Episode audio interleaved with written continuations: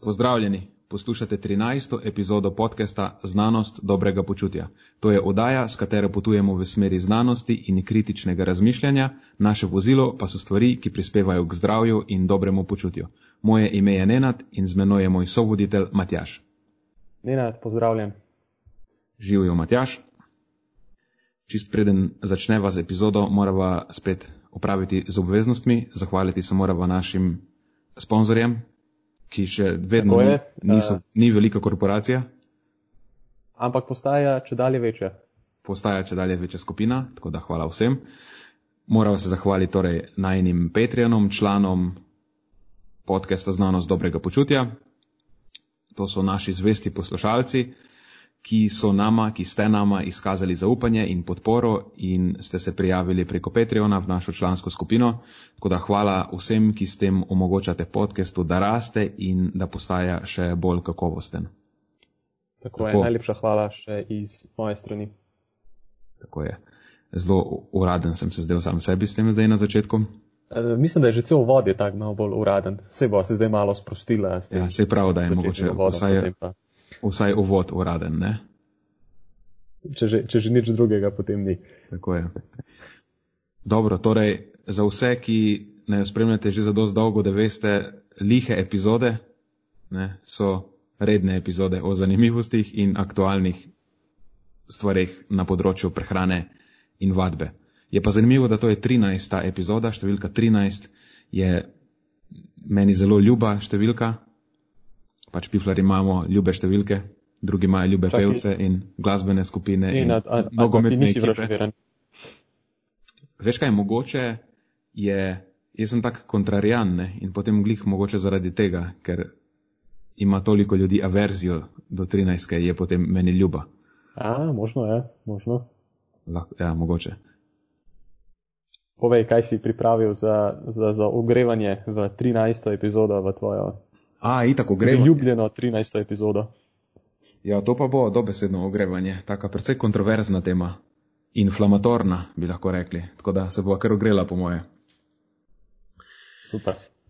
Ja, pre konec prejšnjega tedna sem imel eno spet zanimivo situacijo v pisarni z varovancem,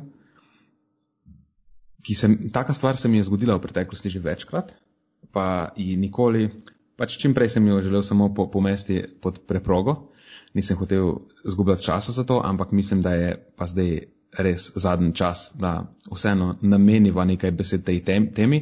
In ta tema je, ne, da ne hodim okoli tega oziroma skačem okoli ali govorim okoli tega kot eh, mačka okoli vrele kaše ali kako rečejo. Ta tema je bioresonanca. Um, Kaj se je zgodilo, je to, da je prišla ta oseba k nam na posvet z kupom enih priporočil od neke bioresonančarke, ki so bile tako pač niso bila dobra priporočila. Večino bi jim prej bi rekel, da so bila problematična. Ne? In uh, spoh ne vem, kje naj začnem s tem. V glavnem, se mislim, da spoh tega ne moreš na, na lep način povedati. Mislim, lahko probaš, ampak itak bo na koncu izpadlo tako, da se bo nekdo počutil užaljen ali pa karkoli. V glavnem, bioresonanca kot metoda oziroma karkoli zaenkrat ni podprta z nobenimi dokazi ne, na področju zdravja in več o temu fitnesa.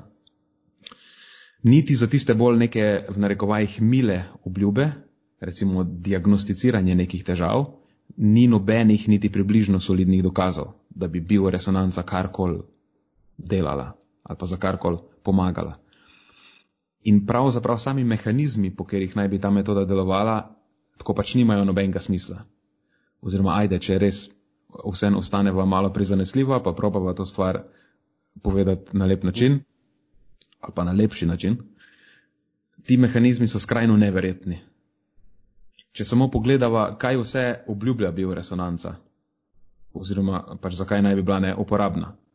Ponavadi je to neko diagnosticiranje ali pa celo menedžiranje alergij in intoleranc, pol imaš bolečine, pa vnetja, vnetna stanja, pa eh, tudi avtoimunske bolezni se pojavljajo, pa stres ti pa je pomaga nadzorovati in potem spoh pridemo do takih precej problematičnih trditev, recimo rak, pomagati pri raku in takih stvarih. Ne. In vse pol niže na tem seznamu je podobno problematično ali pa samo ta problematičnost teh trditev se samo stopnjuje. Samo, a resno, a vse to lahko ugotovimo in pozdravimo z peščico naprav, ki delujejo vse po praktično enakem principu.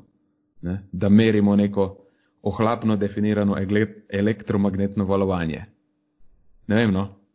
Mene zadeva spominja na malo bolj, recimo, da je to nek malo bolj sofisticiran način prodaje čudežnih nekih stvari prek TV oglasov, a veš, ono, top shop varianta.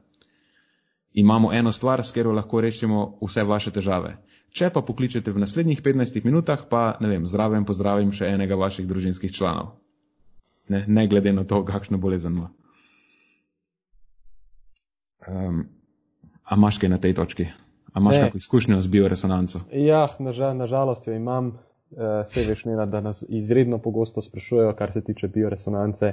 Pa moram priznati, da me zadeva izredno iritira ravno iz teh razlogov, ki si jih ravno kar naštel. Ne obljuba um, nekih miraklov, praktično, uh, in to na račun uh, neke take izredno, izredno ohlapne tehnike. Tako da me veseli, da si odprl to današnjo temo, zato da lahko malo razčistimo, pa lahko jo potem tudi naslovimo na to točko, ko bomo imeli ponovno vprašanje iz tega sveta. Ja, sej dejansko imam še kupenih stvari za povedati. Če, če vem, vem to, bilo, to bilo samo ogrevanje, ogrevanje, sem začutil. Ja, pač tako, ta bioresonanca je en tak šolski primer pseudoznanstvenega zavajanja. In pravzaprav v okviru šolskega sistema, sicer ne vem, če pri nas, ampak vem, da pri nekih predmetih, rečemo temu na visokošolski ravni, na nekih tujih univerzah, recimo pri predmetih, ki se dotikajo kritičnega razmišljanja, se ta bioresonanca celo uporablja kot študijski primer, kako lahko z uporabo pseudoznanstvenega jezika zameglimo dejstva in poslušalca privedemo do napačnih zaključkov.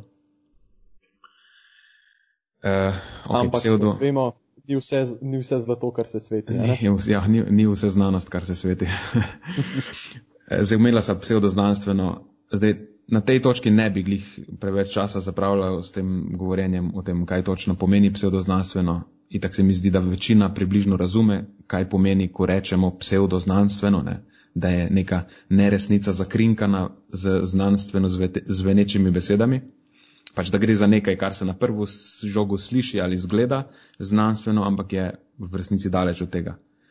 Um, pač študija primera je že zato, ker pri bioresonanci sama predpona besede, ne, bio, daje zmoten vtis, da gre za neko stvar, ki je utemeljena na nekih, rečva, znanstvenih principih biologije. Nadalje pa potem v igro vstopijo še eh, neka nakladanja o elektromagnetnem valovanju in, in podobnih, podobnih rečeh. Um, je pa tako, ne? Zakaj je stvar zakaj mene stvar toliko razizi, ali pa zakaj je problematična na splošno, se nima veze, če mene razizi ali pa ne. Ker eno, ena, eno je, kot te nekdo veš, zmoti v nedeljo popovdan, en sumljiv vrata do vrata prodajalec, pa te proba prepričati, da kupiš nek bolano drag sesalec, ki deluje na, ne vem, s pomočjo neke super vesolske tehnologije, ki nenormalno dobro, a veš, čisti vse živo in nujno rabiš ta sesalec, drugače ne boš mogel več nikoli posesati hiše normalno.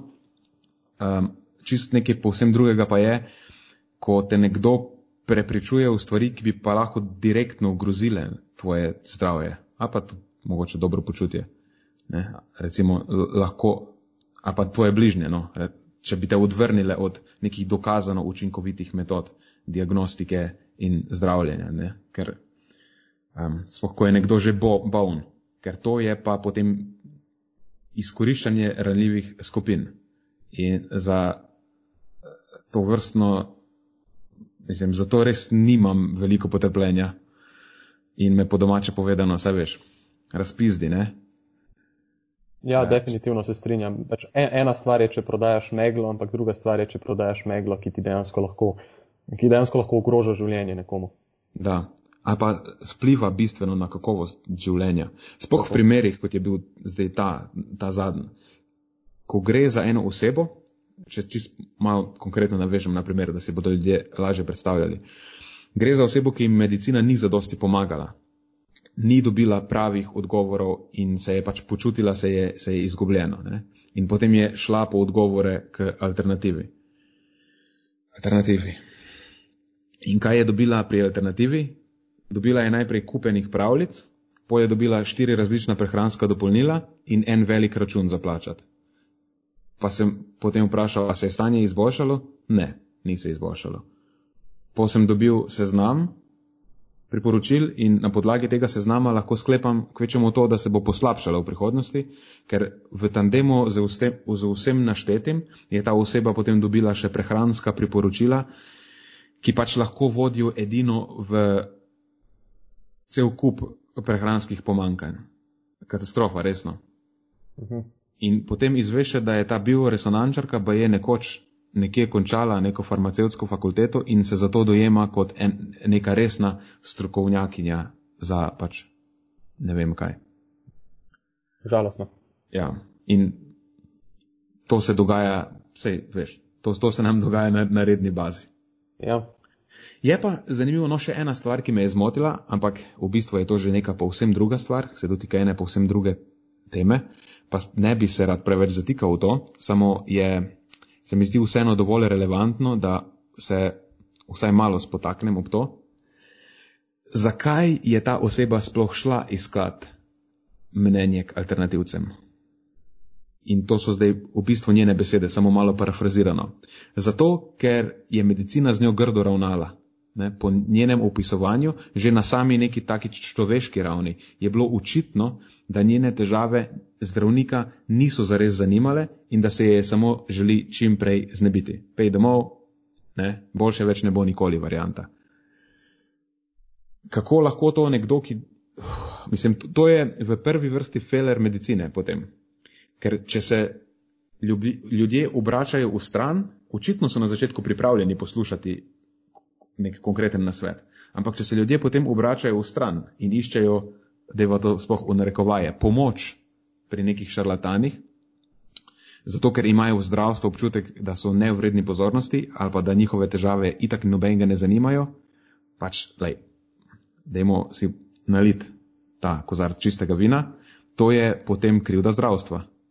Ker če delaš z ljudmi, pa še posebno, če rečeš, da delaš v smislu, da jim želiš pomagati, kar je nekako cela ideja medicine in zdravstva, potem enostavno ne moreš.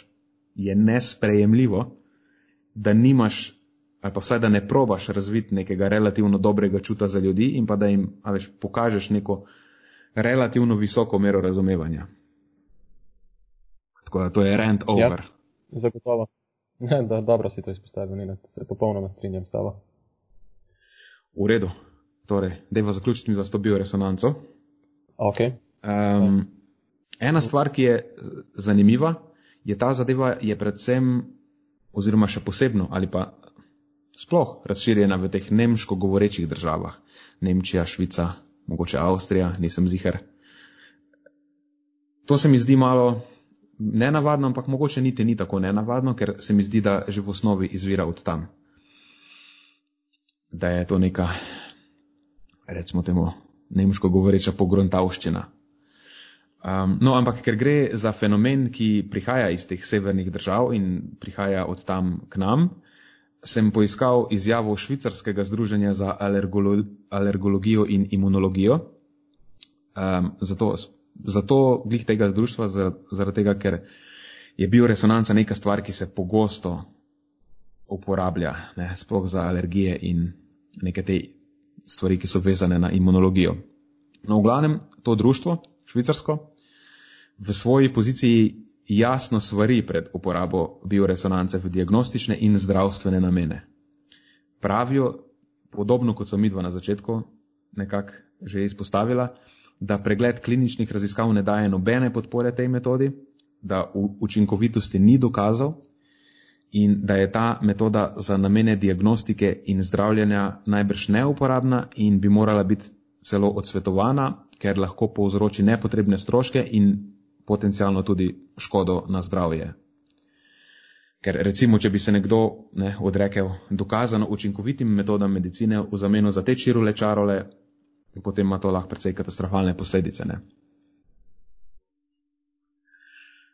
Mm, zdaj, zakaj je ta stvar toliko razširjena v Nemčiji? Se mi je zdelo tako. Mogoče zato, ker je, je sicer v narekovajih, ampak je dovoljeno. Ne. Mm, tudi pri nas. Ker skozi se zgovarjamo na ZDA, recimo kako je tam divji zahod na področju zdravja in fitnesa in okoli zdravil, lahko jih na TV-ju prodajaš in okoli dopolnil, ne, pa kako slabo so neke stvari tam re regulirane. Kar je mogoče na nekih področjih res, večinoma niti ne v bistvu, no, kakorkoli, teh naprav za bioresonanco v ZDA ni dovoljeno prodajati, ker jih pač FDA, ne, tam pristojna ta organizacija, ki ureja stvari na področju hrane in zdravil, jih klasificira kot naprave tretjega razreda, ne, to so za diagnosticiranje in zdravljenje bolezni in če ta naprava nima nobenih dokazov o učinkovitosti, je tam ne smeš prodajati. In ker zadeva nima nobenih dokazov, so stvari tam pač prepovedane. In v preteklosti so bili v ZDA razni bioresonančniki že večkrat kazensko preganjani in tudi, um, sicer ne vem, zapor najbrž ni šel noben, ampak so dobili kar visoke kazni zaradi zavajanja. Zanimivo. Tega pa nisem ja. vedel, da je v Ameriki to ni dovoljeno. Ja. Tako da to je nekak zgodba z bioresonanco. In. V bistvu gre za neke, eh, neko energetsko zdravljenje mislim, skoraj ekvivalent temu je, a veš, z unim zdravilcem, ki ljudje hodijo, ki roke polagajo na njih, pa z nekimi kristali, pa se mentja. To je enaka stvar, sam da tisto je iskreno vuvu, tista tam noben spoh ne skriva, da, je, da so čirole čarole, dočim pri teh bioresonančnikih vsaj zaenkrat kaže, kot da je. Za neko pretvezo, ne? Ja, da še, še zmeraj so čirole čarole, sam probajo biti maskirane kot znanost. Kar je pač nekako, zame je to huje. Če si čirula čarola, da je povej, da si čirula čarola, pa se bo pač oba dva s tem strinjala in šla na svojo stran. Re, re, recimo, da se bo prijateljsko razšla. Ne? Tako. ne se pač pretvarja, da si nekaj, kar nisi. Ja, definitivno. definitivno. Ok. Uh, Dobro sva, si to lepo vzel. Sva resno, resno sva začela. se že počutiš, da je več. Ja, samo to reče, da to pa ni več ogrevanje, to je že korak dlje si storil. ja. Ok, dej nas malo umiri. Kaj imaš okay. ti v aktualnostih? Lej, Nenad, se veš, da mi dva moramo pokriti tukaj ne, vse, vse plati vseh svetov. Um, tako da jaz bom čisto obrnil vesla v eno drugo, malo, malo lažjo tematiko. Dobro, mešano na žaru, tako kot skozi. Tako, mešano na žaru, tako kot vedno. Uh, in sicer nekaj, kar bo interesiralo predvsem vse tiste ljubitelje športov moči. Uh, zdaj vemo, da se šport v zadnjem času, po dolgem času, ponovno začenja postavljati nazaj na svoje noge. Uh, in pred kratkim je američan Julius Maddox preizkusil uh, premagati trenutni aktualni svetovni rekord v za nekatere najpomembnejšem dvigu, in ultimativnemu znaku svojega alfa statusa, to je seveda bench press. Poskusil je premagati uh, magično mejo 800 poundov, kar se prevesi v 363 kg, če si to lahko predstavljaš, Nenad. Ja, po domače enega fičata. Enega fičata, tako je.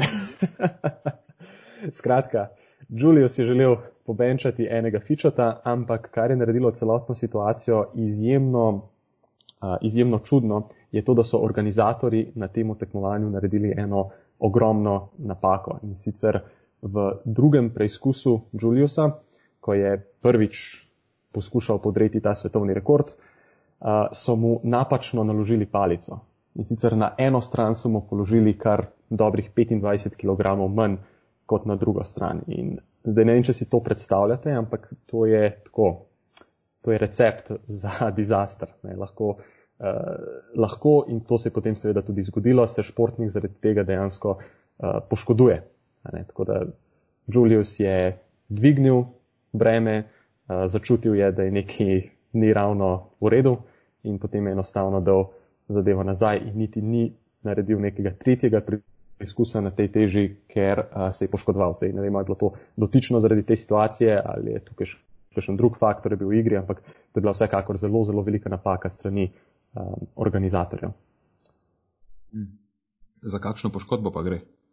Uh, predvidevam, da je nekaj uh, v krogu pektoralisa, torej prsnih mišic oziroma prednjih mišic uh, ramen, ne spravi te klasične mišice, ki so najbolj na udaru pri bench pressanju.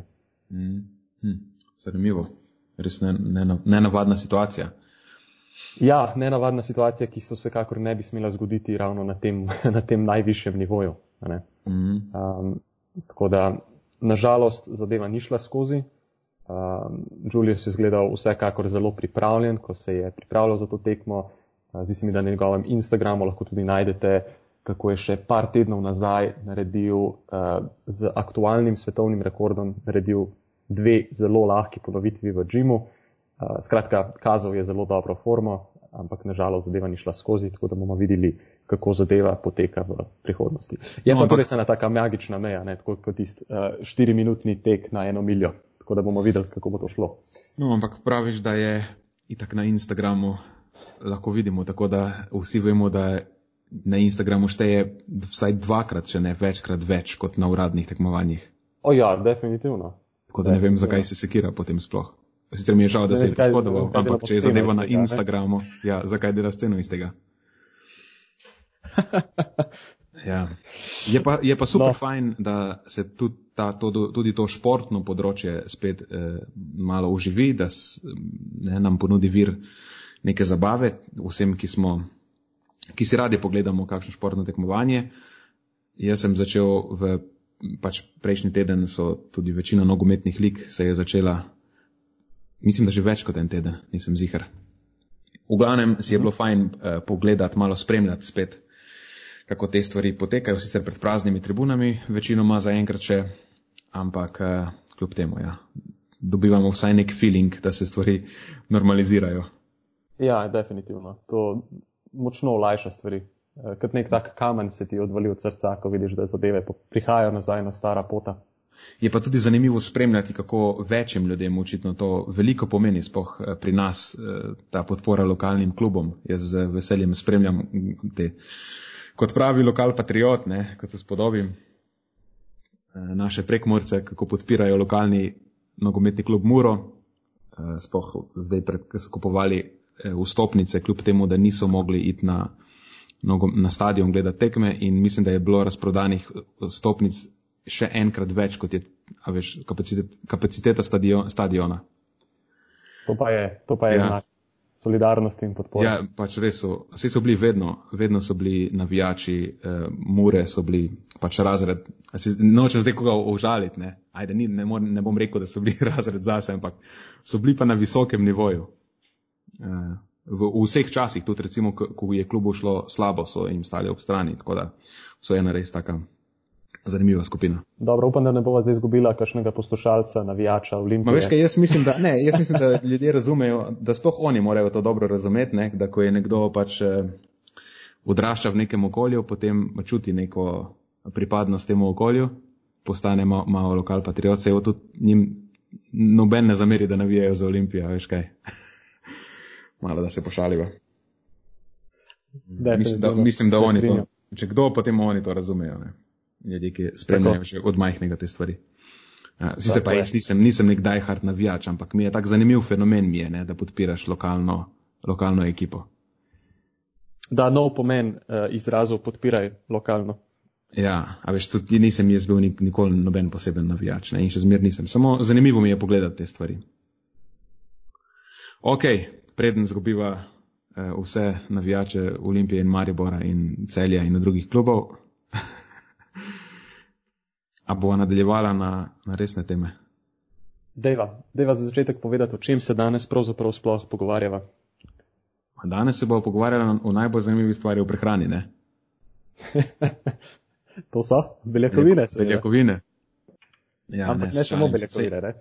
Ja, o kombinaciji beljakovin in fizične aktivnosti. Oziroma, sej, v osnovi se bomo pogovarjali o beljakovinah, samo malo bova um, osvetlila, kako neki drugi dejavniki v tem primeru fizična aktivnost, vplivajo na presnovo beljakovin in da dejansko lahko ne, povozijo ta vpliv beljakovin. Ker danes se mi zdi, da te beljakovine večina ljudi ve, da je fajn jesti malo več beljakovin ne, v nekih normalnih pogojih. In če, čeprav za ostale dve makrohranili sicer odvisno od tega, kako se veter obrne, enkrat so malo ugljikovi hidrati na udaru, pa so spet maščobe, ampak skozi je nek negativen prizvok. Beljakovinam tudi, ko so probali nadeti ta nek negativen prizvok, ni jim, glih ni se prijela ta stvar. Ne, beljakovine večinoma vse se dojemajo kot eh, bolj pozitivno hranilo.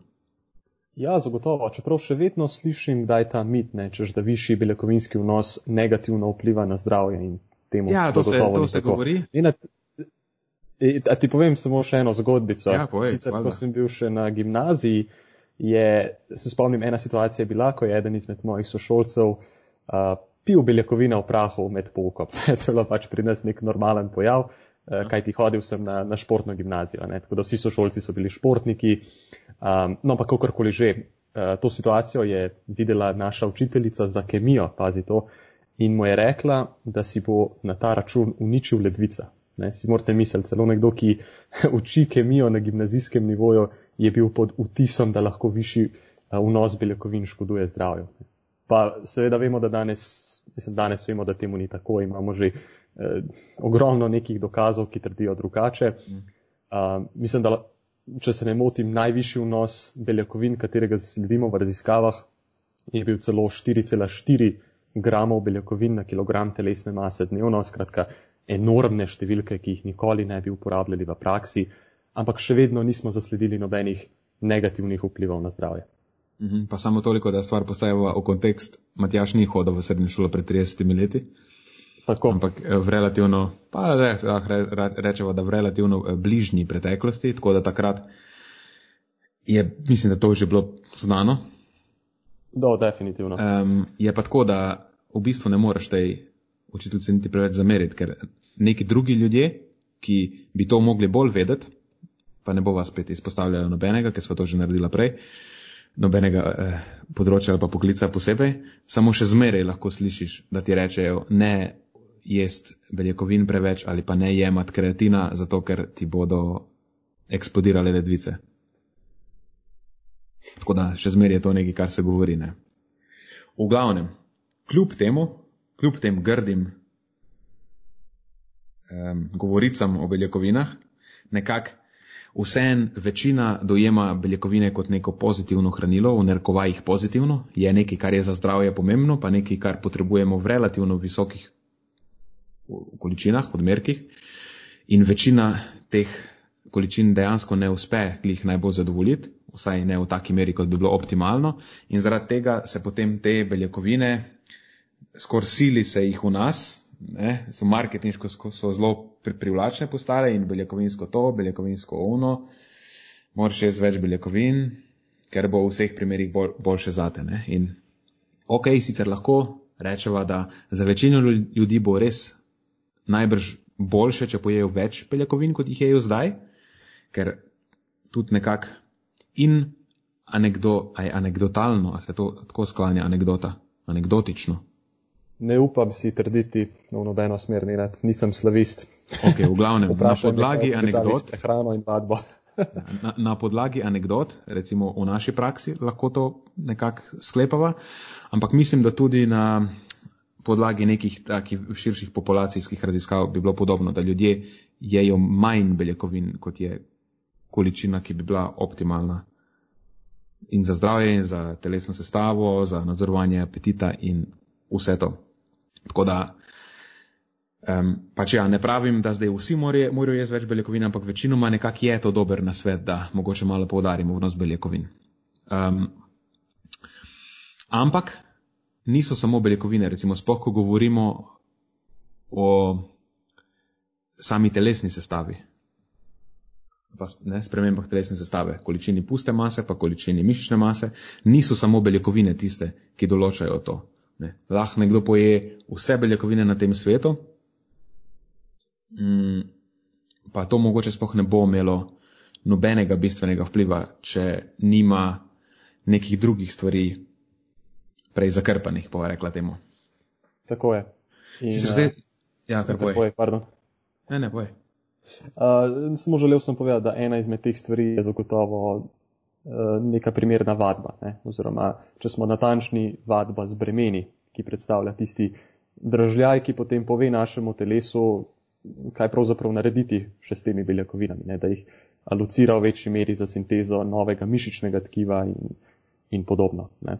Uh -huh. um, dobro si to omenil, da v bistvu brez vadbe lahko zaužijemo še toliko in toliko gramov beljakovin, pa nikoli ne bomo dosegli tistega um, najboljšega možnega učinka. Ne? Samo takrat, ko pospremimo vnos beljakovin s primerno vadbo, lahko iztržimo daleč največ koristi uh, in za našo telesno sestavo in ne nazadnje tudi za naše zdravje, ne posledično. In ja.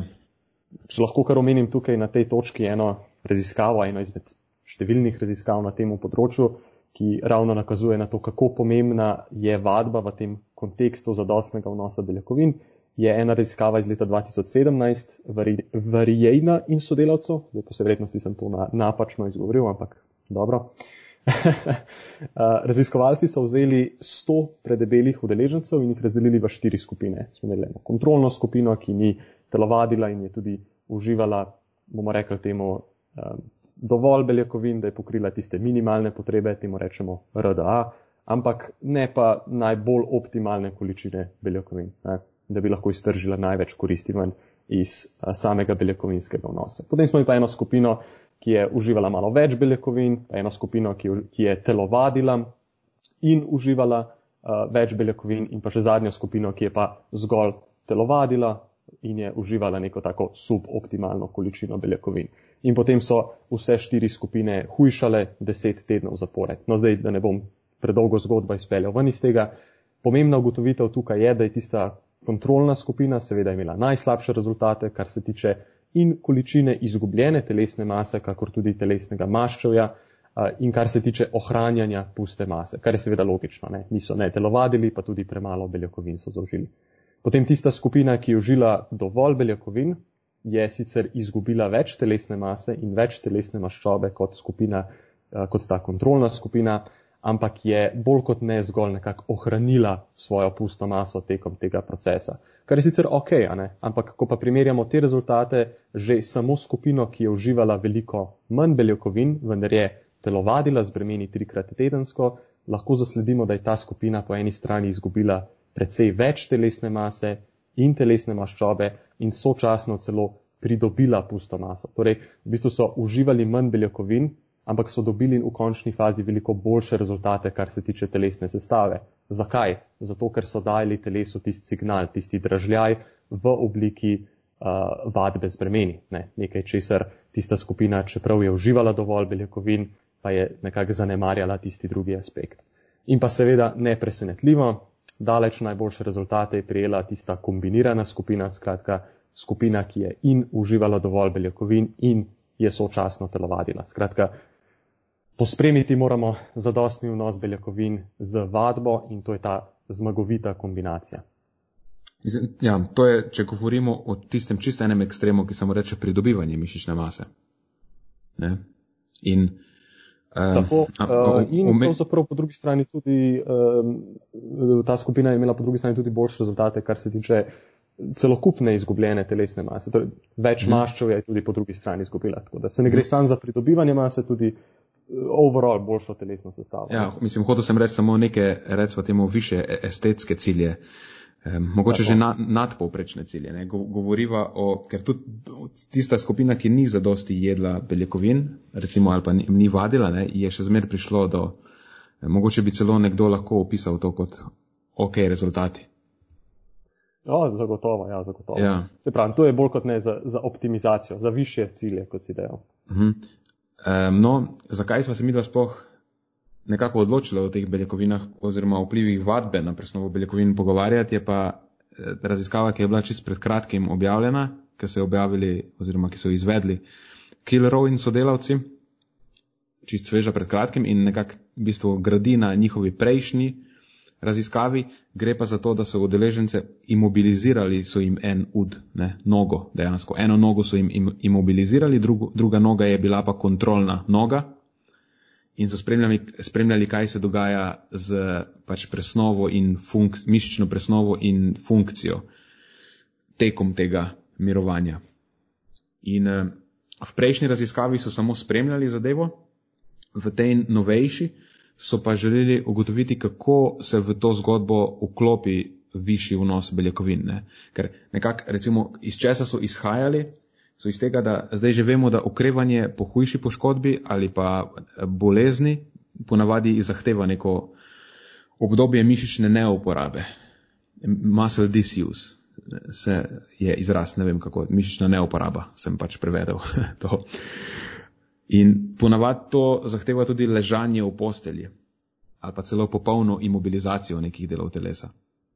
In vemo, da že kratko mirovanje, samo en teden recimo, kar je v nekih kliničnih pogojih zelo pogosto, eh, lahko povzroči signifikantno izgubo mišične mase in mišične moči. In na tej prejšnji raziskavi so ugotovili, da že samo po dveh do petih dneh so učinki zaznavni. Um, in da do te izgube mišične mase najbrž pride zaradi kroničnega neravnovesja med sintezo mišičnih beljakovin in razgradnjo mišičnih beljakovin. Tudi na podlagi prejšnjih raziskav vemo, da um, že po teh parih dneh ta mišična neoporaba zniža stopnjo sinteze mišičnih beljakovin. Uh, tudi po obroku, recimo, ne, ne samo na splošno, ampak po obroku, da se slabše. Obstaja verjetnost, da se ljudje, ki ležijo dlje časa, slabše odzivajo na beljakovine. In um, tak učinek bi praktično popolnoma potem pojasnil mišično atrofijo med mirovanjem. Mm. Zdaj vemo, odkot recimo na podlagi te eh, raziskave, ki si jo prej ti predstavil, nekako to zdaj že vemo, ne, da v normalnih pogojih, mm, ko pojemo zadostno količino beljakovin, ali pa recimo, ko pojemo večjo količino beljakovin, to stimulira sintezo mišičnih, beljako, mišičnih beljakovin in zavira razgradnjo mišičnih beljakovin in da to traja nekaj ur po obroku. Ne? In na ne vem, ravni enega celega dneva je potem sinteza veš, večja od razgradnje in so pač rezultati boljši. Nekako to, kamorkoli te zadeve tako razporedimo v normalnih okoliščinah, se, se v bistvu to pokaže. Ne? Mm, in potem, valjda, ideja je, da bi lahko uživanje večje količine beljakovin tudi v tem obdobju mišične neuporabe pomagalo umiliti ta negativen učinek na to nekako kronično razhajanje med sintezo in razgradnjo. In to bi potem ščitilo pred izgubo mišične mase. Um, je pa zelo zanimivo, ker v prejšnji raziskavi je ta skupina dala tudi vprašalnike o, o prehrani in so udeleženci poročali, da pojejo okoli 1,6 grama na kilogram telesne mase beljakovin. Ne. Tako da to bi teoretično moralo biti dovolj, da bi stimuliralo sintezo mišičnih beljakovin skozi dan. Tako da že samo na podlagi tega podatka, um, a veš, lahko ne, je, ni, bi lahko rekli v bistvu, da uh, se ne bo nič zgodilo, ampak vseeno so oni hipotetizirali drugače. In pa še ena zanimiva stvar. Mm, količina mase, ki so jo v prejšnji raziskavi udeleženci izgubili, je bila v bistvu podobna kot v takih sorodnih raziskavah na tem področju, ne, ki mobilizirajo, imobilizirajo neke dele telesa in spremljajo izgubo mišične mase. Mm, najbolj zanimivi od teh, recimo ostalih raziskav na tem področju, so se mi zdeli dve, ki sta preverjali učinek imobilizacije na mišično maso v kombinaciji z suplementacijo, pazi to. Ena je bila kreat, loadinga kreatina, dajali so odeležencem 20 gramov kreatina, pa to ni imelo nobenega vpliva. In pa druga, kar je pa tako, vsaj meni je bilo precej eh, presenetljivo, so jim dali nandrolon dekanoat, to je pač ana, anabolni steroid, ki se uporablja pri obravnavi teh wasting sindromov, eh, recimo kaheksije in to so neka, recimo rečemo temu, bolezenska stanja, kjer ljudje močno izgubljajo mišično maso, funkcionalno maso na splošno in potem se proba to maso zaščititi in jim dajo anabolne steroide, oziroma lahko jih uporabljajo tudi v, na cesti, bomo rekli temu, ne, street use, bodybuilderji eh, in oni pa najbrž poznajo to zadevo pod imenom deka. Zdaj ne vem sicer, kako so, kakšne so doze tega, tukaj so uporabljali 200 mg, ne bi znal reči, da je to visoka ali je to nizka doza. Ampak je bilo zanimivo, da recimo anabolni steroid ni upočasnil tega negativnega učinka imobilizacije na mišično maso. Ne? Tako da, če vse to povzamemo nekako skupaj, v njih prejšnjih že domnevno, sicer tam ni bilo zelo tesno nadzorovanih 1,6 gramov na kilogram, pa kreatin, pa v bistvu anabolni steroidi, ne? pri vseh je prišlo do izgube mišične mase. Ampak vseeno potem so se dejansko oni odločili izvesti še eno tako zanimivo raziskavo, ki je bolj strogo nadzorovana in so probali ugotoviti, ali dejansko obstaja vsaj nek manjši od odmerka odvisen učinek uživanja beljakovin med imobilizacijo. In v ta namen so nekako tudi razdelili so udeležence v tri skupine in pazi to.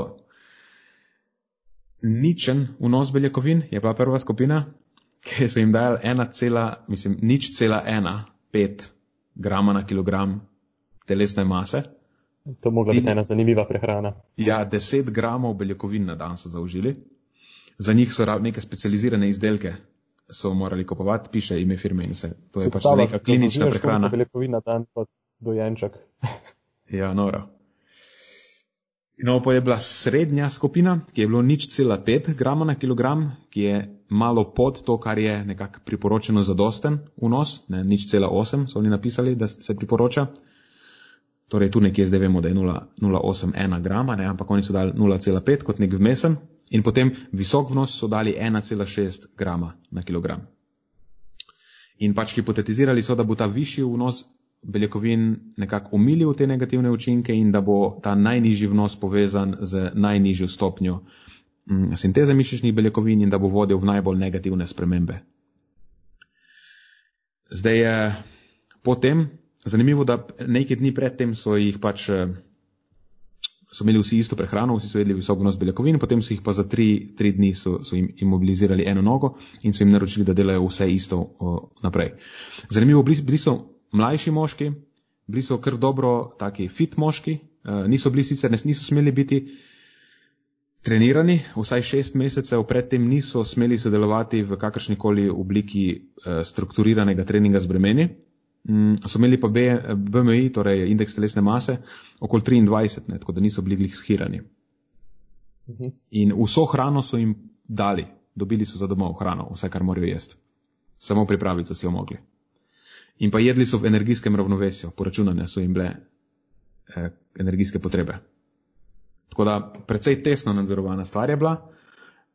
Zdaj obdobje imobilizacije je bilo sicer relativno kratko, samo kljub temu so bili rezultati so bili signifikantni. Ne. Če gremo na hitro čez rezultate, signifikantni in presenetljivi so bili. Sam volumen mišice kvadricepsa, merili so ga z MRI-om, je ostal na kontrolni nogi nespremenjen, torej Um, nič se ni zgodilo z volumnom, na imobilizirani nogi pa je že samo po treh dneh imobilizacije se je volumen signifikantno zmanjšal, zmanjšal za okoli 2 odstotka, ne, kar je, um, meni se zdi kar dost za tri dni. Uh mhm. -huh. No, ampak ni bilo razlike med skupinami, pri vseh skupinah enako. Potem, ne glede na vnos beljakovin. Ne glede na vnos, ja. Tisti z nič cela ena pet so zgubili, enako so zgubili kot, uh, mislim, približno podobno, ne? ni bilo razlike. Zdaj, mogoče na dolgi rok bi se pokazala neka razlika med skupinami, ne? ampak zdaj, na tak zelo kratek rok ni bilo, ni bilo razlike. Um, potem pazi moč, ne? merili so izometrično, koncentrično in ekscentrično moč kvadricepsa, na kontrolni nogi ni bilo nobene razlike, na imobilizirani nogi pa se je spet enako zmanjšala pri vseh skupinah. In tako um, drastičen je bil upad. Za izometrično moč 25 odstotkov, koncentrično 25 in ekscentrično za 15 odstotkov. Da, že Mislim, samo po, po kratkem času je to nekaj. Ja, ja, močno zmanjšanje je bilo. Zanimivo pa, da na hamstringih pa je sicer niso merili volumna, so pa merili isto vse tri komponente moči. Valjda na. To so zadnje stegenske mišice. ja, zadnje stegenske mišice, tako tisto kvadriceps je pa prednja stegenska mišica. Um, torej, brez sprememb na kontrolni nogi in zmanjšana je bila samo koncentrična moč pri vseh skupinah in to za nekih 5 do 10 odstotkov. Tako to, da imobilizacija ima očitno bistveno manjši učinek ne, na, na, funkcijo, uh -huh. na funkcijo hamstringov. No, pa pač itak so merili tudi uh, to dnevno sintezo mišičnih beljakovin, nekako, ne, stopnjo te sinteze. Na, na, na kontrolni nogi ni bilo sprememb, kar se je meni zdelo malo čudno, ampak v bistvu niti ni kratko obdobje, je bilo pa v diskusiji nekako domnevajo, da je lahko bi šlo za napako tipa 2. Um, ker vseeno na, pač na, na aktivni nogi v treh dneh mogoče ni pričakovati sprememb takih, ne, bi se šele čez daljše obdobje pokazale. Um, je pa zanimivo, da je bila pa pri imobilizirani nogi eh, za 30 odstotkov zmanjšana pri vseh skupinah. Tako da spet po treh dneh dejansko za 30 odstotkov manjša sinteza mišičnih beljakovin. Ne. In na koncu, nekako zaključko, se v bistvu vse se sklada. Um, ni razloga, da bi mislili, da so njihovi rezultati kakorkoli um, ne odstopajo bistveno od ostalih rezultatov, v bistvu, ki jih imamo. Ne. In tudi njihovi se skladajo. Veš, volumen je upadel, funkcijo, na, funkcija je upadla, v skladu s tem sinteza je upadla ne, in tudi eh, na podlagi podatkov prejšnjih lahko s precejšnjo gotovostjo lahko nekako sklepamo, da je upad v mišični, mišičnem volumnu in funkciji um, posledica te imobilizacije. Ne? In da v bistvu uživanje beljakovin na to, vsaj na ta kratek rok, nima, nima pomembnega vpliva. Ne? Lahko rečemo, da je dejansko gibanje mišice ali pa krčenje mišice nek, nek predpogoj za, za to, da za mišično zdravje sploh. Ne? Ker če bi recimo, pa se vem, da je to nesmiselno vprašanje, kaj je pomembno, ali so beljakovine bolj pomembne, ali je vadba bolj pomembna. Ne? Nekako tako, mogoče površno bi lahko rekli, ja, vadba je bolj pomembna kot beljakovine dejansko. Ne? Še v naslednji fazi potem dejansko postanejo beljakovine sploh pomembne. Tako je, ne? ker vadba, kot si omenil, nek, ja. nek predpogoj, nek držljaj predstavlja. Mm. Spet se vrnemo nazaj na tisto, ne? ne glede na to, koliko beljakovin vržeš vase, brez nekega držljaja, se pač bolj kot ne nič ne bo zgodilo. Ne? Mm. In če si zares tako, zdaj težko je biti tako imobiliziran, da nič ne delaš. A veš, samo če sediš na kavču, ali pa recimo, ne na kavču, se ni nujno, da si lenuh, sej v službi recimo 8 ur na dan sediš, pol greš domov, se furaš z avtom, doma spet upravljaš pretežno, pretežno sedeče delo.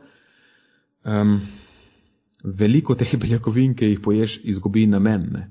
Pa ne samo mogoče za samo to, kako bi rekel, fizičen izgled, ampak ker potem v diskusiji tudi nekako, zdaj malo sicer domnevajo, ampak meni se zdi to smiselna, smiselna domneva, um, pride do enega sorodnega odziva, kot pride recimo pri starostnikih, ko se pojavi ta anabolna rezistenca, ne? anabolna odpornost, ki to je v bistvu fenomen, ko smo odporni na količino zaužitih beljakovin na nek način. Ne. Ta količina zaužitih beljakovin nima, ne, ne doseže enakega odziva tega mišično-sintetičnega. Ne. Moramo pojesti več beljakovin, da dosežemo enak učinek, kot smo ga recimo v, v mladosti. Ne. Zato recimo mla, pri mlajših rečemo, da nekje do 0,3 grama na kilogram na obrok sproži maksimalno sintezo mišičnih beljakovin, dočim pri starejših tudi do 0,6, kar je skoraj dvakrat več, bi lahko bilo dobro priporočilo. Ne? S tem, da pri starostnikih je, je razlog za to anabolno rezistenco najbrž neka tak, spremenjena ali pa upešana globalna presnova ali pa posledica nekih kroničnih bolezni. Tukaj pa gre v bistvu za akutni učinek te imobilizacije, ki je direkten pa izključen za to imobilizirano tkivo. Eh, in to se mi je zdelo zanimivo, ker ima lahko zelo pomembne praktične implikacije, spoh s tem, ker se staramo, pa ko postajamo starejši. Ne, lahko pride dejansko do, um, ko se združita ta dva procesa. Na eni strani se mhm. začne pojavljati anabolna rezistenca, zaradi tega, ker se staramo, ki je v bistvu kot rečemo, rečejo američani, ne, je baked in, into this cake, je tako zapečena v to torto, ne moreš, ne, če ta recept pripravljaš, ne moreš brez te sestavine, ko se staraš. Mm, in potem na drugi strani, če smo ob tem še manj aktivni, ne, kar starosti v bistvu tudi doskrat gre z roko v roki, ne, postajamo manj aktivni, um, lahko to pospeši še upad mišične mase, ki povemo, da je mišična masa zelo pomembna eh, komponenta zdravega staranja, kakovosti življenja na splošno. Tako da mogoče s tem, ko postajamo starejši, ne mogoče, ampak zihar, je še toliko bolj pomembno, da ostajamo, da ostajamo aktivni.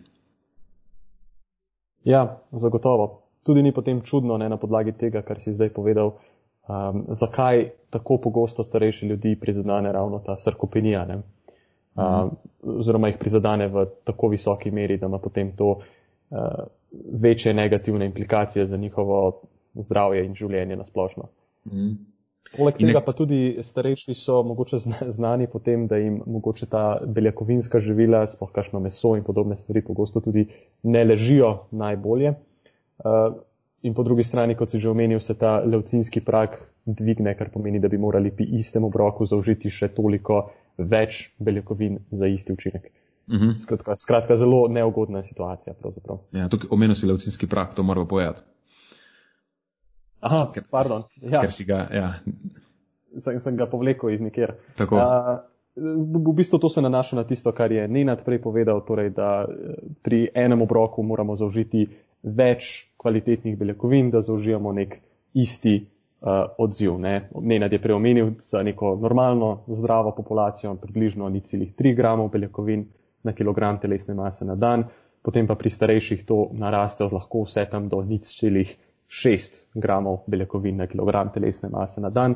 Se pa sam ta levcinski prak navezuje na eno aminokislino, ki se ji reče levcin, to je ena esencialna aminokislina, ki pa v celotni zgodbi igra predvsem tako pomembno vlogo tega, da stimulira proces uh, rasti novega mišičnega tkiva. Tako kot neko tako stikalo je na nek način, ki prižiga luč oziroma v tem kontekstu prižiga sintezo mišičnih beljakovin.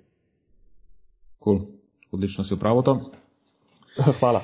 Tako da, če potegnemo eh, črto nekako, to sem hotel še s to v bistvu zaključkom te raziskave narediti, je, da, ja, da, so, da je vadba vadba je zelo pomembna za presnovo beljakovin.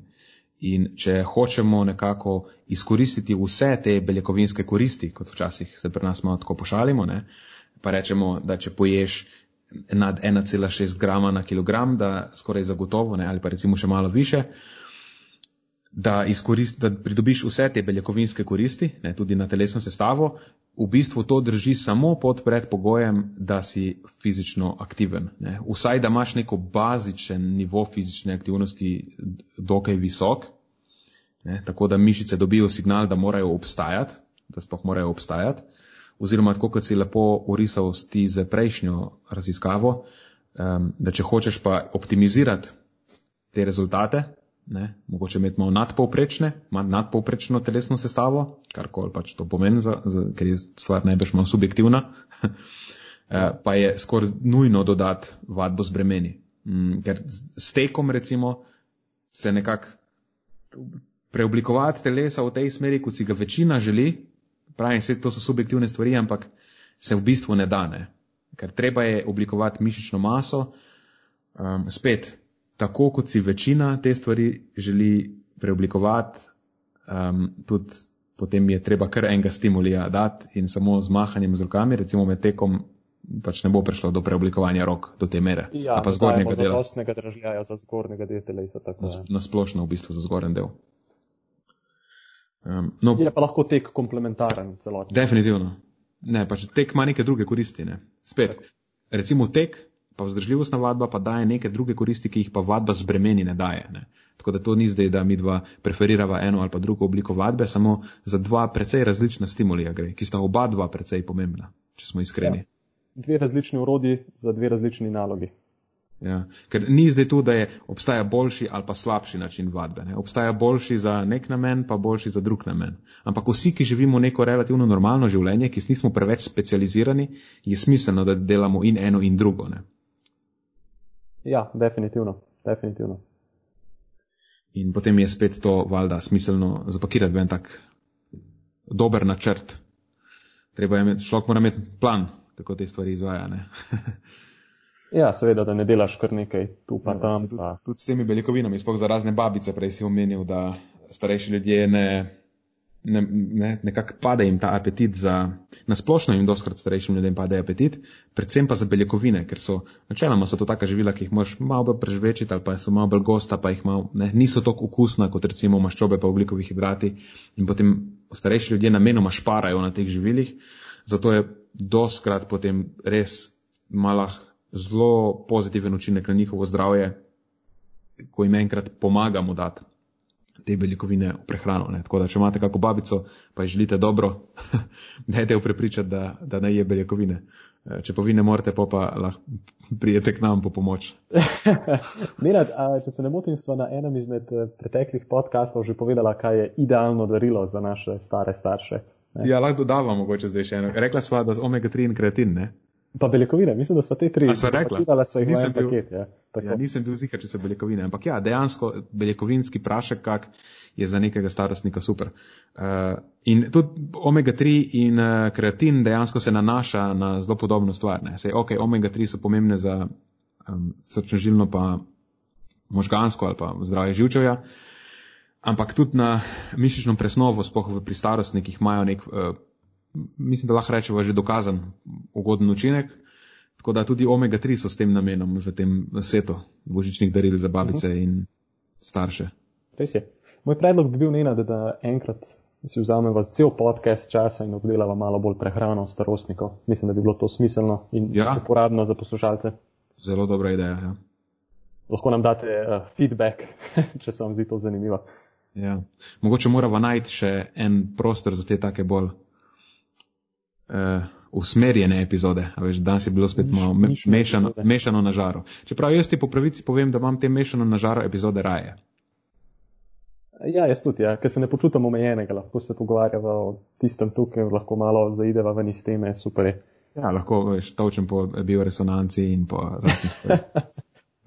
Se počutim, tako kot se rekel, počutim se svobodnega. Ok, jaz mislim, da sem videla kar kompletno te beljakovine obdelala, oziroma fizično aktivnost in beljakovine. Uh -huh. A so imela še kaj, morava še dodati Um, kaj tej debati? Mogoče samo še eno, tako čist, čisto na hitro temo za vse tiste, ki bi jih spet ponovno nekako zanimali te višji estetski cilji uh, in sicer o, malo o pomenu primerne distribucije beljakovin skozi dan. Kaj praviš, poveva par stvari. Ej, super, da si to omenil, ker tudi v tej raziskavi, s katero so se zdaj ukvarjala, mm, s- je, so imeli razporejene, razporejena beljakovinska hranjenja čez dan. Tako da, Odlično, pa pa lahko kar nadaljuješ iz tukaj ven. mislim, nimam jaz kaj nadaljevati, isto okej. okay. pač imeli so razporejena beljakovinska hranjenja, zdaj zakaj so jih imeli razporejena? Z, zato, ker vemo, da potrebuješ recimo določeno količino beljakovin, ki je relativno nizka, če jo primerjamo z skupnim dnevnim vnosom, ne, potrebujemo to količino beljakovin, da sproži maks, maksimalno um, sintezo mišičnih beljakovin in potem ta sinteza traja precej omejeno število ur, odvisno od tega sicer, kaj smo jedli, ampak če gre za nek relativno prebavljiv obrok, recimo, da 3-4 ure traja in potem upade. In ker zdaj imamo še, ostal nam je budžet teh beljakovin, ki jih moramo čez dan pojesti, da bo količina ne, optimalna, um, lahko spet s, to, s tem odmerkom beljakovin sprožimo sintezo mišičnih beljakovin še enkrat in potem, ko spet opade, lahko še enkrat in če to naredimo tekom dneva trikrat, štirikrat, je nekako, domnevamo, da bi bila, bilo naj to optimalno za prirast mišične mase. Smo logika. Ja, logika je preprosta, pač večkrat, ko sprožiš ta maksimalen uh, sintetični odziv, eh, večja je verjetnost, da boš na, na koncu dneva vzpostavil pozitivno bilanco teh mišičnih Tako je. Um, a mi je uspelo Če to? postaviva mogoče to malo v kontekst, ne? najbrž za nekoga, ki spet nima teh višjih estetskih ciljev, mogoče to ni glih najbolj pomembna stvar. Mhm. Um, oziroma zagotovo ni najbolj pomembna stvar. V končni fazi za, za take posameznike je najbolj pomembno, da ciljajo na nek tist absolutni dnevni beljakovinski vnos, ne, ko greš tik pred spanjem, pogledaš, ok, evo, zadev sem to svojo tarčo, zmagal sem za danes, um, po možnosti sem vadil zbremeniti z dan, evo, super. Ej, Ja, a sem, lah, a sem lahko malo kontroverzen? Oprosti, ker te prekinjam. Sem, ker Ja, je ja, na tej točki pomembno. Evo, jaz sem zdaj predstavil, Ja, jaz sem, zdaj, jaz sem zdaj predstavil, predstavil, ja, predstavil sem sicer to teorijo oziroma hipotezo, v bistvu ne moremo temu reči teorija, to bi bila huda napaka. Um, hipotezo, da um, ta več beljakovinskih hranjen nekako um, pač povzroči na koncu, da bomo pridelali več mišične mase. Ampak, jaz sem to zadevo predstavil, kot da verjamem v njo. Ne? Ampak nisem ziger, veš. Um, okay. Nekako, zaenkrat me dokazi niso prepričali še. Če ti po pravici povem, da je to nekaj, kar je tako zelo pomembno. Sploh, uh mhm. -huh. ko govoriva, ne, si rekel, da moramo zadevo postaviti v kontekst. Ok. S precejšnjo gotovostjo bi si mogoče upal reči, da je to, mislim, lahko je koristno, ne bo, definitivno ne bo škodilo, pa da je definitivno vredno truda, recimo, za nekoga, ki tako ima res neke, pa tako precej ekstremne cilje. Recimo, da res hoče optimizirati, a veš, ono z velikim ojem, optimizirati prirast mišične mase. Tako ne uno, da zdaj se pogovarjamo o tem, a boš 80 ali 20 odstotkov, ne, koliko boš pustil na, na, na mizi, ampak uno, 98 ali pa še več, pa tako 2 posto, evo. Uh mhm. -huh. To, ampak to je zdaj spet moja hipoteza samo, ne, da, da je to toliko pomembno, da je ta razporeditev napram skupnemu beljakovinskemu vnosu toliko pomembna. In da od tega imajo res korist samo tisti na enem ekstremu, recimo športniki, um, kolikor se to preveč ne, ne posega ne, v njihov režim treninga ali karkoli. Um, in pa ne vem, neki bodybuilderji taki. Vsi ostali, mislim, da če uspejo zvoziti vsaj z dvema, pa ajde, s tremi pa sploh obroki, ne, beljakovinskimi čez dan, da je to to.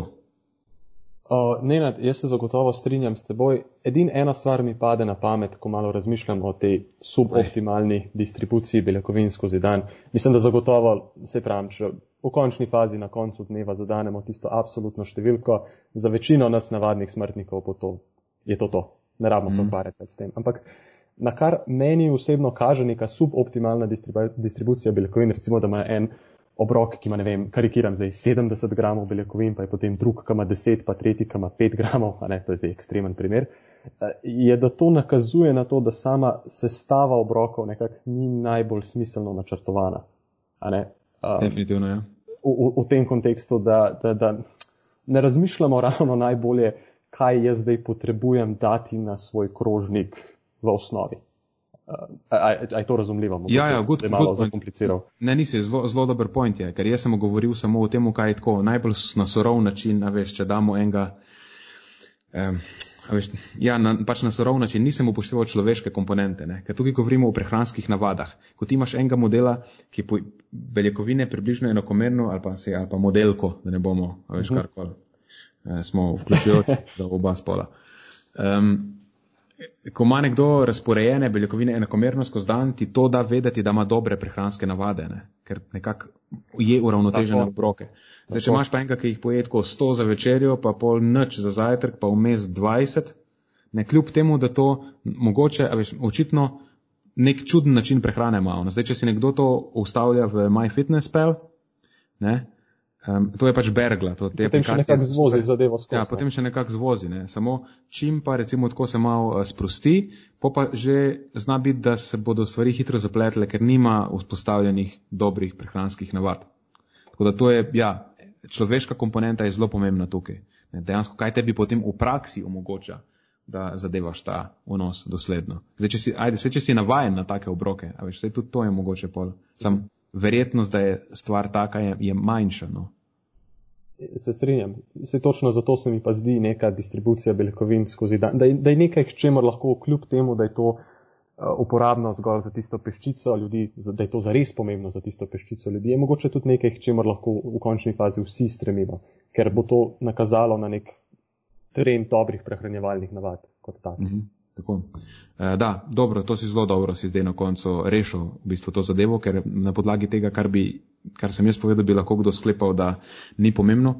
E, v bistvu, kar sem hotel narediti z tem, e, da, poleg tega, da sem probal biti kontroverzen za brez veze, to, da preveč katastrofiziramo dosti krat. Prevečkrat tudi v praksi sem že videl, ko jaz povem, zakaj, so, recimo, zakaj je ta razpored beljakovin pomemben, ker jih pač probam ne, nekako um, spraviti na to, se tako delamo načeloma, jih probamo ne, vzpostaviti te prehranske navade na, na tak način, da so dosledni z enega obroka do drugega, ker je pač tako lažje. Um, vidim, da včasih polk je ne zadanejo tega, začnejo katastrofizirati okoli tega. O, oh, šit, te pa sem pojedel 3 ja, grame beljakovin premalo. Ne? In no, no sem to, da ni panike, če si kdaj izpustil, samo da jih pojej eh, kasneje ali pa tako. prej. Ne veš, koliko jih imaš na nekem ja. drugem obroku. Ne bodi toliko zavesten. Se še zmer je ta komponenta potem tega zavestnega uh, delanja prehrane svoje. Pa, je, Tako, mislim, ja. je, je ključna. Ker, ja, če ima nekdo zamaknjen vnos zato, ker spoh ne posveča pozornosti svoji prehrani, to je ena stvar. Nekdo drug, ki pa ima pa vnos zavestno zamaknjen, ne ker ve, da bo pač šel za kosilo na tortico, ker ne bo beljakovin, pa jih pol poje za zajtrk, pa za večerjo več. Ne, to, to ni problematično, po moje. Ja, zagotovo. Ne rabimo biti obsesivni glede tega. Ne? Samo mm. moramo biti pa zavestni, tako kot ja. rekel. Če nam kje pa svali nekaj, ok, nadoknadimo ja. tukaj. To je to. Drugač pa ja. zakaj, ja, zakaj, pa sem, zakaj pa sem uh, takega mnenja ponovem mal bolj? Nekoč sem bil pač, ok, ne vemo, ampak najbrž zdela se mi je bolj smiselna ta, da je mal bolj pomembno. Bil sem mnenja, da je, to, da je ta razporeditev ma, ma, malo bolj pomembna, kot je. Ampak v zadnjem času je bilo precej. Um, dlje traj, mal, malo dlje trajajočih raziskav objavljenih, dobro, precej je v navednicah, ampak bile so objavljene, raz, z raznimi izkuševalnimi dietami, kjer so pač ljudje jedli z, eh, samo dnevno dozo ali pa zamaknjen vnos beljakovin. In ni bilo recimo v rezultatih hujšanja nobenih bistvenih razlik ne, eh, med zamaknjenim ali pa razporejenim vnosom.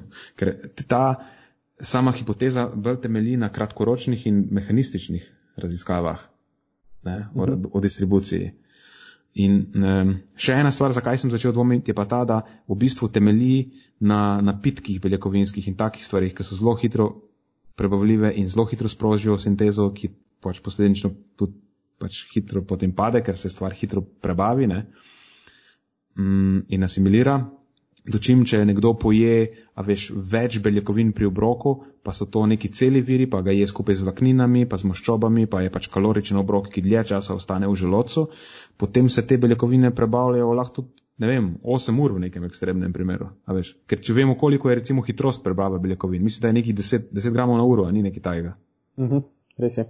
Mislim, da če jaz pojem 80 gramov beljakovin pri enem obroku, pa nared matematiko. Najbolj, mislim, ne, ne vidim nekako, v najboljšem primeru bi rekel, polajde, vsaj šest ur se bo prebavljalo. ne, ja, tudi če ne vem, kaj se zgodi z unimi 20 grami pol. Tako da nekako je, se je fajn zgodba, pa fajn je hipoteza, pa je kar nekaj stvari, recimo, ki jo podpira, spoh mehanističnih, um, samo kljub temu pa obstaja um, par dokazov, zaradi katerih sem, uh, kot američani rečejo, uneasy, nisem glih zihar. Uh mhm. -huh. Eh, zagotovo, eh, to si dobro izpostavil. Ja. Torej, spet sva blizu ene ure in petnajstih minut, nisva še glih ena ura deset, ampak po moje se na. A imamo še kaj zapovedati? Razmišljam, sem mogoče še kaj spustila. Ne, to je bolj, bolj kot ne, to to. Torej, to pomeni, da je številka 13 in the books. Tako je. V knjigi. Um, ena refleksija svoje najljubše, najljubše številke podcasta je bilo v redu. Ja, je bilo v redu, ja. Jaz sem se bal, da bom padel pod pritiskom, ne? ker sem jih razmišljal, šit, to je moja najljubša številka, ta epizoda mora izpasti dobro. da, po mojem je kar zadovoljivo. No? Okay. Zdaj, ja, kaj, ti mi, kaj ti misliš? Jaz se strinjam, se strinjam. Sem se pogovarjala danes o eni izmed mojih osebno najljubših tematikah. Da, A v bioresonanci? Meni se zdelo, da je dobro izpadlo. ja, točno to. Kako si vedel? Bodo pa seveda ah. poslušalci morali dati svoj uh, feedback, ne? kako pa kaj. Tako je. Dobro, torej na tej točki, ne, kaj nam ostane, samo še to, da se vsem lepo zahvaljujem za poslušanje, za vse pozitivne ocene, za pomoč pri promoviranju podcasta. Hvala, ker ga priporočate dalje, da ga vidi čim več ljudi. Um, definitivno pa največji hvala vsem, ki ste se odločili postati člani projekta Znanost dobrega počutja na Patreonu, kje točno in kako se na Patreonu prijavite. Po mojem najboljše, da preverite kratko povezavo, ki bo v linku tega, v opisu tega podcasta oziroma v opisu epizode. Drugače pa lahko se nam oglasite tudi na najnih Instagram profilih, če kakega linka ne najdete, lahko vprašate tam. Najni profili so matjaz.filgut in nenad.filgut.